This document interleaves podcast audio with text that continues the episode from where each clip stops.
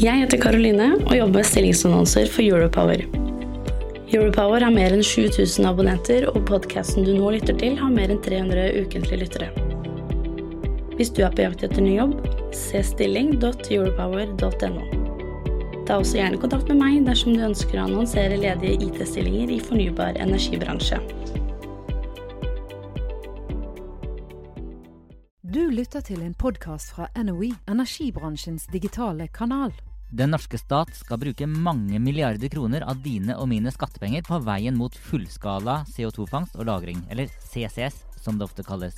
Da er det jo litt pussig at folk flest ikke aner hva CCS er. Vet du hva CCS er?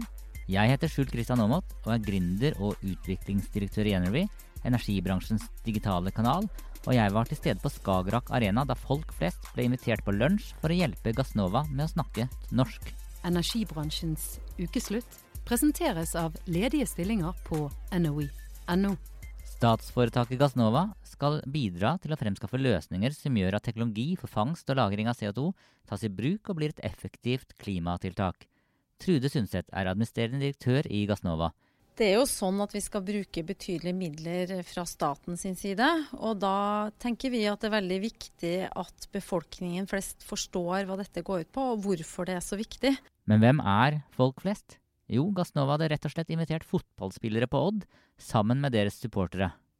Jeg tok en prat med en supporterfar som også hadde med seg sin syv år gamle datter. Altså, Vi er her for å lære litt mer om det litt ukjente ordet karbonfangst.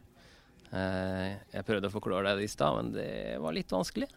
Så vi har litt forhåpninger til dagen i dag. Men hvorfor er det så viktig å lykkes med CO2-fangst og -lagring? Forrige uke var jeg på Arendalsuka. Der møtte jeg Stein Lier Hansen, administrerende direktør i Norsk Industri. Hvis du ser på prosessindustriens veikart for å nå klimamålene fra Paris, så er karbonfangst og -lagring helt avgjørende viktig. Så vi er veldig glad for at det er nå to prosjekter som går videre. Både det som fikk bevilgninger nå sist, Klemetsrud, men også ikke minst Norcems sementfabrikk i Brevik. Sånn at dette er uhyre viktig. Og vi tror også at hvis Norge lykkes med å demonstrere et fullskala prosjekt med karbonfangst og -lagring, så tror jeg det ligger en betydelig oppside for norsk leverandørindustri nettopp å levere den type teknologiske løsninger til resten av verden på sikt. Like før sommeren spilte jeg inn en podkastepisode i forbindelse med at NHO fikk presentert en Sintef-rapport der hovedbudskapet var at CO2-fangst og -lagring kan skape hele 80 000 arbeidsplasser i Norge innen 2050. Er dette virkelig mulig? Altså Det er iallfall beregninger foretatt av Sintef. Eh, og Det er ikke noe tvil om det. altså at Olje og gass vil være en betydelig del av eh, energitilførselen i verden også i 2050. Men for at det da ikke skal føre til utslipp av CO2, så må vi altså klare å fange og lagre eh, de CO2-utslippene som blir en konsekvens av at du brenner olje og gass. Så Sånn sett så er det klart at dette kan bli en kjempestor industri, nettopp fordi at det er store volum som skal renses over tid. Men tilbake til Skagerrak Arena og lunsjen for folk flest. Hva ønsker Trude Sundset å oppnå når hun inviterer fotballspillere og supportere til dialog? Jeg tror i hvert fall vi må jobbe med hvordan vi ordlegger oss. Hva slags språk bruker vi? Hvem snakker vi til, og på hvilken måte? Så det vi skal gjøre her i dag hos Odd fotball, det handler mye om språket vårt. Vi ber Einar Håndlykken, daglig leder i Odds ballklubb, om å utdype. I dag skal vi ha en lunsjsamtale med Odds spillere, supportere og publikum, hvor Gassnova skal få innspill til hvordan best kommunisere om dette temaet. For det er jo litt vanskelig, og det er store anlegg og mye teknologi. Og klimaproblemet kan jo også framstå som litt diffust for noen. Og her kommer det vanlige folk i alle aldre som kan gi innspill til åssen en best skal prate om dette, sånn at folk skjønner det. Vi først og fremst interessert i å lytte og få tilbakemelding. Vi skal fortelle sånn som vi pleier å gjøre om hva Gassnova driver med, hva CO2-fangstlagring er. Men så spør vi disse supporterne og spillerne hva oppfatter du at vi har sagt? Forstår du hva vi sier? Og så spør vi hvordan ville du sagt det? Og så skal vi rett og slett lære av dem.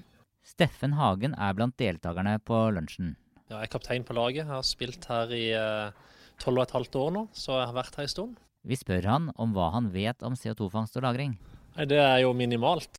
Det er ingen tvil om at elektrifiseringen av bilparken har store positive effekter. Men i debatten om energi og klima er det av og til viktig å stikke fingeren litt i jorda. På Arendalsuka traff jeg Steinar Eikås, som leder lavkarbonløsninger i Equinor. Jeg ba han komme med et konkret eksempel på hvordan CO2-fangst og -lagring kan bidra for et bedre klima. Ja, av de, et av de prosjektene vi jobber med, eh, det er jo også å konvertere et eksisterende eh, gasskraftverk eh, fra å brenne gass til å brenne ren hydrogen. Og Det ser ut som vi kan klare det med veldig moderate ekstrakostnader. Og Hvis vi lykkes med det, så vil utslippene som vi fjerner med det ene prosjektet, tilsvare det utslippene fra ca. to millioner biler. Så nesten hele Norges bilpark i ett prosjekt. Og det er klart Lykkes vi i det prosjektet, så kan dette kopieres til mange gasskraftverk i Europa. Så det er veldig stort potensial i disse eh, prosjektene. Eh, men selvfølgelig det gjenstår en del arbeid. Eh, og ikke minst det gjenstår å få rammebetingelsene på plass. Fordi at disse løsningene er jo dyrere enn å bare brenne gass og slippe ut utslipp. Og noen må betale den kostnaden. Så siden disse løsningene er nye, så eksisterer ikke disse subsidieordningene i dag. Og det er noe vi jobber med å få på plass. Siden denne podkastepisoden handler om kommunikasjon rundt CO2-fangst og -lagring, så tillater jeg meg å bore litt dypere i problemstillingen rundt gass. Jeg ber Hildegunn Blindheim, direktør for klima og miljø, om å forklare er det sånn at nordsjøgassen blir verdiløs dersom vi ikke lykkes med fullskala CO2-fangst og -lagring? Hvis det er Globalt så vil naturgass være, være etterspørsel etter naturgass selv i 2040-2050, eh, når kull skal fases ut og enda flere mennesker skal ha energi. Men Europa har satt seg så ambisiøse klimamål at vi vet at vi må også bidra til å redusere utslippene fra bruken av naturgassen. Og der, Derav fjerne CO2-en fra naturgassen, så kan vi selge den som hydrogen. Nils Røkke er bærekraftsdirektør i Sintef. I tillegg leder han den europeiske forskningsalliansen ERA, som består av ikke mindre enn 175 forskningsinstitutt og aktører. Jeg ber Røkke forklare mer om hva som nå skjer i Europa. Ja, eh, Europa har sagt at 2030 så skal man redusere utslippene med 40, kanskje 45 Og eh, 2050 ja, da skal man være i henhold til Parisavtalen, som eh, plutselig kan bli kanskje null eh, utslipp i, i Europa. Og Da må man endre kraftforsyninga i Europa. Man må endre hvordan man produserer gjennom i industrien. Man må endre transportsektoren. Og Da er det spørsmålet hvem kan tilby de løsningene. Vi tror at Norge kan tilby en andel av de løsningene. Energibransjens ukeslutt presenteres av ledige stillinger på NOI.no. Men tilbake til utfordringene med å forklare for folk flest hva CO2-fangst og -lagring er. Kan vi lære noe av det engasjementet som er skapt rundt plastforsøpling i havet? Jeg spør Johan Hustad, direktør for NTNU Energi. Det er veldig flott med at det er engasjement rundt eh, det å dumpe plast i havet, og unngå å gjøre det, selvfølgelig. Og det engasjementet som er landet rundt nå, er jo kjempepositivt i så måte. Og Jeg skulle ønske at vi kunne faktisk ha, ha hatt det samme engasjementet eh, når det gjelder karbonfangst og -lagring, eller CO2 i atmosfæren. Det er klart at CO2 er en gass som er usynlig. Plast er synlig. Og du ser at varen spiser plast. Vi ser ikke at atmosfæren spiser CO2. Så på en måte så kunne jeg ønske at den CO2-en hadde en farge, sånn at vi kunne se hvor mye CO2 vi dumper opp i atmosfæren. Det er ikke så lett å se. Men vi skulle ønske i framtida, og fra nå av, at vi får mer engasjement rundt det at vi må innse for klima sin del og for jordkloden, så kan vi ikke fortsette å dumpe CO2 opp i atmosfæren. Det går bare ikke. Og hva er så konsekvensene av denne usynlige gassen i atmosfæren? Ja, altså Konsekvensen ser vi jo allerede. At, at vi, vi, får et helt annet klima på jorda. Vi får økende temperatur som ødelegger økosystemet vårt. Men er det ikke sånn at planter og dyr også slipper ut CO2? Hva er det som gjør at CO2 i atmosfæren er så skadelig? Når vi sier at planteriket og det med Så er CO2-en i et karbonkretsløp. Sånn at der er det ikke noe netto uh, utslipp, for å si det sånn. Du bare tar inn og du lufter ut CO2, for å si det litt sånn folkelig. Mens når det gjelder uh, fossile uh, kilder, sånn som naturgass, kull, olje, så er det netto nettostrøm ut. Og det er den strømmen som skaper de uh, utfordringene eller de problemene som vi ser i dag. Så et spørsmål til deg som lytter. Er innholdet i denne podkastepisoden forståelig? Hvor mye kan Odd-supporterne om CO2-fangst og -lagring? Jeg spør Einar Håndlykken. Det tror jeg utgangspunktet for Det varierer for det første veldig, men for enkelte så tror jeg det er helt minimalt. Eh, og det tror jeg er en viktig lærdom. At eh, det er nesten ikke mulig å gjøre dette enkelt eh, nok. Så må være, det må gjøres kjempetydelig. Men hvis en får til det, så er det selvfølgelig en stor gevinst. For da er det mulig å få et betydelig engasjement rundt CO2-fangst og -lagring. Og det er jo en nøkkel for å få gjennomslag for det i stor skala. Hva tenker fotballspillerne om klimaengasjementet? Ja, det syns jeg Jeg var litt skeptisk eh, når det, vi fikk han nye direktøren som skulle begynne å sette fokus på dette her, og tenkte at uh, det er fotball vi driver med. Vi driver ikke, kan ikke drive med sånne ting. Men uh, jeg syns jo det har vært veldig bra. Uh, vi har fått masse positiv omtale, og mange av sponsorene er jo veldig glad for å identifisere seg med med både fotballen vår da, og være miljøvennlige. Så det har vært en veldig god match. Jeg spør den syv år gamle jenta som er med pappaen sin for å lære mer om CO2-fangst og -lagring, om hva hun tenker rundt uh, Odds grønne engasjement. Hva syns du om at uh, Odds ballklubb skal planlegge solceller på takene på stadion, at de tenker veldig mye på miljøet? Jeg syns det er veldig bra.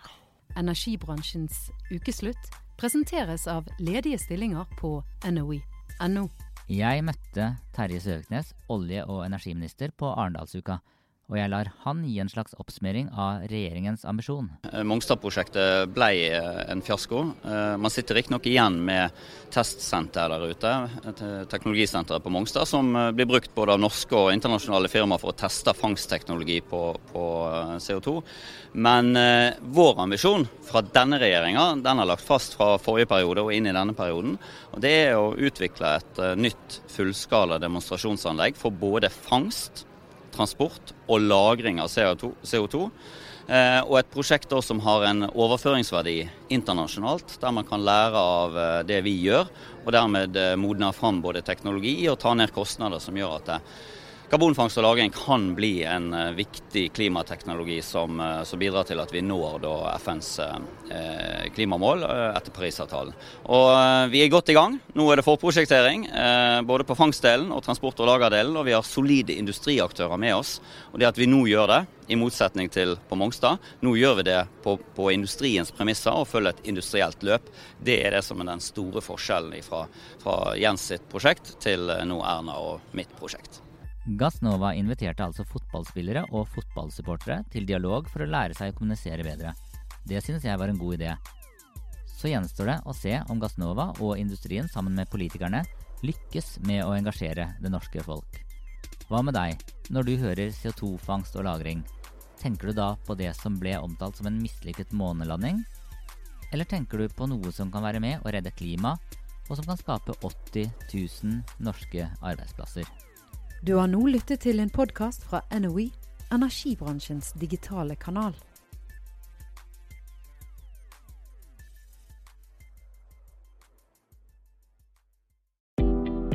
Jeg heter Karoline og jobber med stillingsannonser for Europower.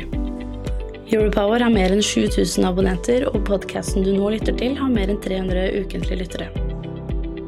Hvis du er på jakt etter ny jobb, se stilling.europower.no. Ta også gjerne kontakt med meg dersom du ønsker å annonsere ledige IT-stillinger i fornybar energibransje.